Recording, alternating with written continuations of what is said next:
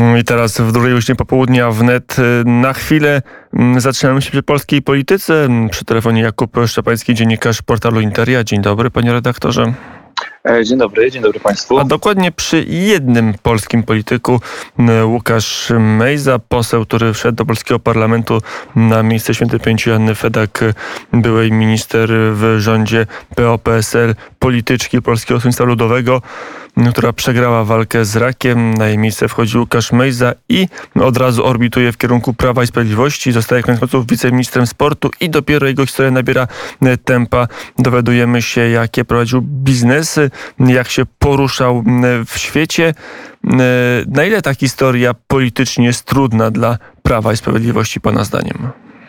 E, no, trzeba powiedzieć, że e, historia Łukasza Majzy w ostatnich dniach e, to jest chyba jedno z większych obciążeń, jeżeli chodzi o obóz Zjednoczonej Prawicy. Weźmy pod uwagę, że praktycznie codziennie pojawiają się nowe wątki, a politycy PiS są stawiani pod pręgierzem i muszą się tłumaczyć przez swojego kolegę mm, kojarzonego z obozem Partii Republikańskiej Adama Bielana.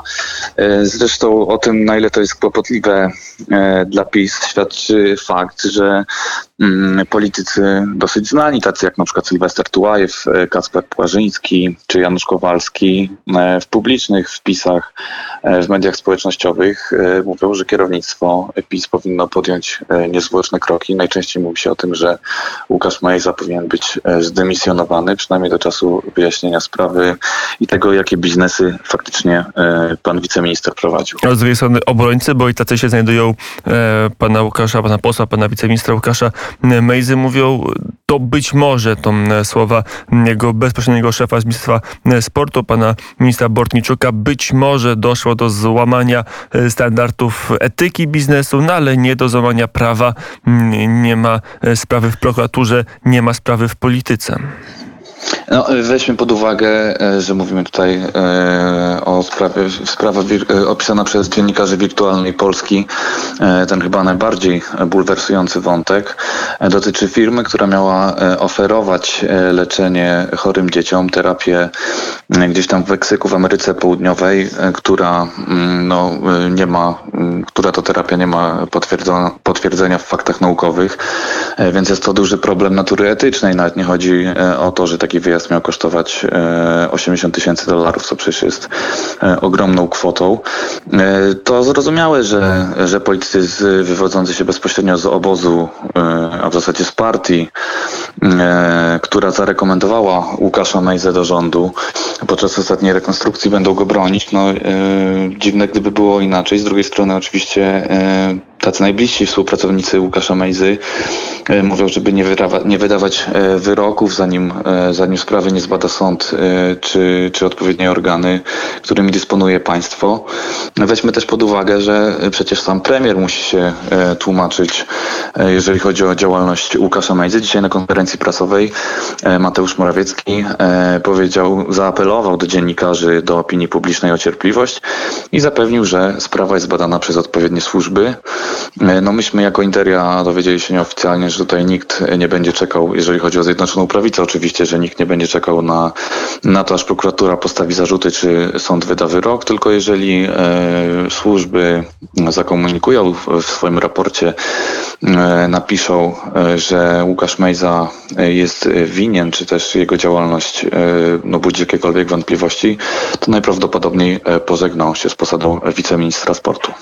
Można w poprzedniej, w tej poprzedniej kadencji e, wskazać kilka przypadków, kiedy politycy mający kłopoty ze swoim wizerunkiem, kłopoty ze swoją działalnością opuszczali klub Prawa i Sprawiedliwości, opuszczali także rząd. E, dlaczego nie jest tak, że, że Łukasz Mejza, mimo że jest wyraźnym kłopotem i nawet jego stronnicy no, mówią, że dopuścił się działań, które moralnie są dwuznaczne i to jest e, daleko posunięty eufemizm.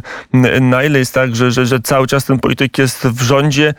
Dlaczego nie jest potrzebny, mimo strat, które e, faktycznie i, i, i obiektywnie wyrządza obozowi rządzącemu? E, no musimy wziąć pod uwagę przede wszystkim, że e, większość, e, większość PiSu Zjednoczonej Prawicy jest bardzo krucha, bo, bo w praktyce opiera się zaledwie na kilku szablach, więc jeżeli, jeżeli PiS straciłoby takiego posła jak Łukasz Mejza czy Zbigniew Eichler, w którym poseł Mejza od początku kariery w wielkiej polityce współpracował, no to wtedy PiS będzie miał problem z przepchnięciem przez Sejm własnych ustaw, własnych pomysłów.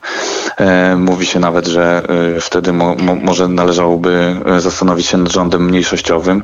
To z pewnością nie ułatwi rządzenia Prawu i Sprawiedliwości. Ale pan redaktor robił jest dzisiejszy wywiad na portalu Interia ze Zbigniewem Eichlertem, który no nie jakoś nie broni bardzo twardo Łukasza Mejzy. Nie jest tak, że jego dymisja oznaczałaby, że Zbigniew Eichert wróci w pełne objęcie opozycji.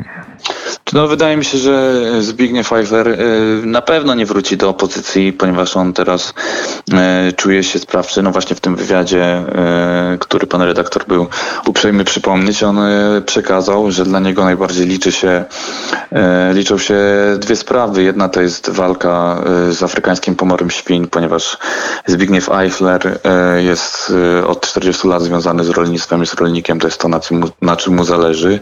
To, to po pierwsze. Po drugie, ponieważ on cierpi na chorobę e, Parkinsona, e, chce być e, reprezentantem no, wszystkich chorych na Parkinsona, chce pomagać. Zresztą, no, jak sam powiedział, poddał się eksperymentalnemu zabiegowi i podpisał zgodę.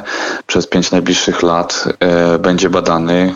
Naukowcy będą sprawdzać, jak ten zabieg wpłynął na jego organizm i tak naprawdę nie wiadomo, jak to się wszystko dla niego skończy, czy dobrze, czy źle. No, można powiedzieć, że Eichler postawił wszystko na e, jedną kartę, e, więc wydaje mi się, że jemu raczej zależy na tym, żeby osiągać swoje cele polityczne, e, czyli mm, żeby, żeby zyskać wpływ na to, o czym powiedziałem przed chwilą. Ale to jest tak prosta historia. Mamy mm, Zbigniewa Eichlera, mamy Łukasza Mejzę, dwóch posłów mm, i oni muszą mieć, czy Łukasz Mejza musi mieć takiego wiceministra, bo jak nie ma, to nagle rząd traci większość. Dzisiejsze głosowania w Sejmie nie było na sali 12, czasem nawet 13 posłów Prawa i Sprawiedliwości. Wszystkie mm, głosowania dzisiaj nad poprawkami Senatu w sprawie ustawy o ochronie granic, więc ważnej ustawie, ustawie, która budzi kontrowersje.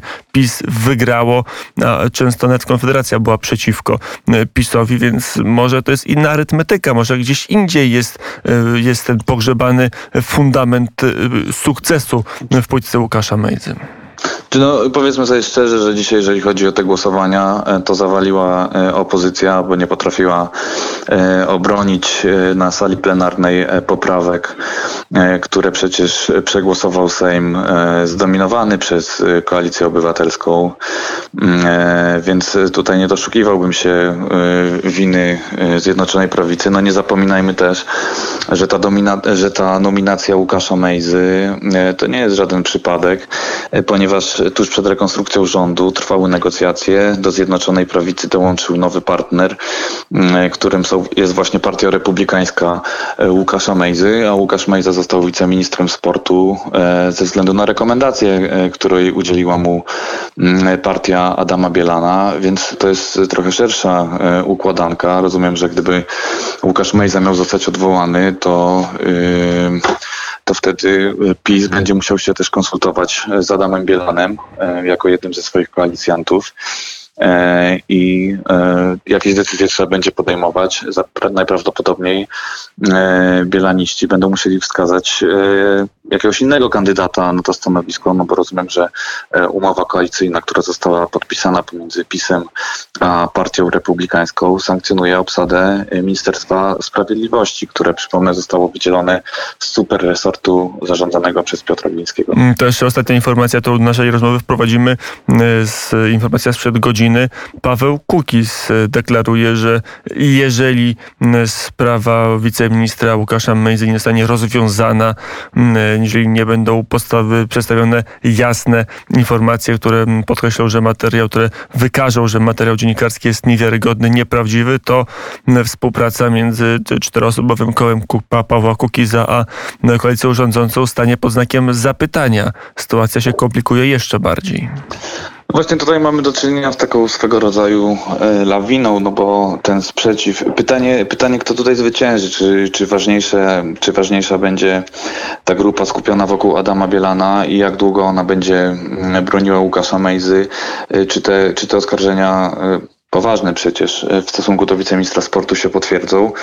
E, no, weźmy pod uwagę, że e, mamy tutaj nie tylko mm, w perspektywie jakiś tam bunt czy, czy sprzeciw Pawła Kukiza i jego posłów, no ale w samym PiS narasta niezadowolenie, no bo tak jak mówiliśmy wcześniej podczas tego, tej, tej rozmowy naszej, no politycy PiS muszą się codziennie tłumaczyć. Tak naprawdę oni przecież nie, nie są niczemu winni, bo to minister Mejza e, zakładał firmy, prowadził jakieś interesy, a oni muszą się tłumaczyć za niego. No, o, o, o skali problemu na pewno świadczy to, że tłumaczyć musi się sam premier.